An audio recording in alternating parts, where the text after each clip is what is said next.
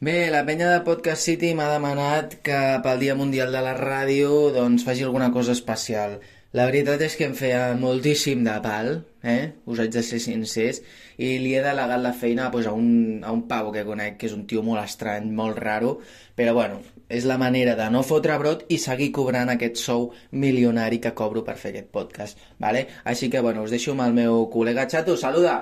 Hola, què tal? Sí, hola, què tal? El Gunther Glob de Semen.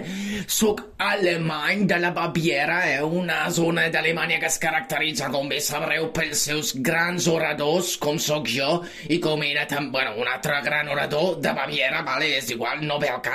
Eh, la qüestió, la qüestió és que he vingut a parlar-vos de la ràdio. La ràdio per mi és com una musa que m'entra per dins el cos, se'm fica per dintre la uretra fins a arribar a més profund de les meves entranyes.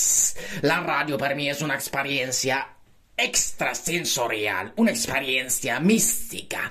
Jo sóc doctor en periodisme i ciències de la informació per la Universitat Rovira un Virgili i, a més a més, tinc un programa de ràdio que es diu Una estoneta amb en Gunther Eh, I eh, és un programa de ràdio que faig a Ràdio Montmell. Avui el que faré serà parlar-vos dels inicis de la ràdio, els orígens de la ràdio. Tothom parla dels orígens del cinema, com que van ser super espectaculars, el cinema, oh, el cinema. El cinema és una porqueria al costat de la ràdio. A més a més, el cinema va ser inventat per una parella de germans assassins. Els germans Lumière, com bé sabreu, van pilotar una locomotora, una locomotora a vapor contra la platea d'un teatre que estava ple, ple, ple, ple de gent. Van matar 400 persones aquell dia.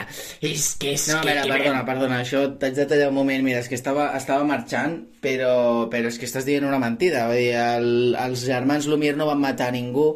Els germans Lumière el que van fer va ser projectar una pel·lícula d'un tren a vapor i la gent es va pensar que el tren aquell era pues, real i, i que anava per ells. Per això doncs, alguns es van espantar, però no va morir ningú aquell dia. El que sigui, el que sigui, m'és igual la porqueria que m'estàs explicant. La qüestió és que els germans Lumière eren uns farsants i la ràdio és el millor que ha passat a la història de tota la humanitat, millor que la penicil·lina. Els orígens de la ràdio són molt més espectaculars. Si no ho sabíeu, la primera vegada que va sentir el so radiofònic, molts oients es van arrencar les orelles en plan, ah, no puc suportar aquesta merda, aquesta veu diabòlica d'on surt. El propi Satanàs ens està parlant a través de les ones. És un càstig diví. Déu ens està castigant per fer l'amor amb preservatius. La ràdio després ha evolucionat fins al dia d'avui. Tenim els podcasts, que els podcasts no són res més que la ràdio de tota la vida. Ja està bé de fotre noms raros a les coses perquè semblin més guais i els putos hipsters les facin servir. Això és ràdio.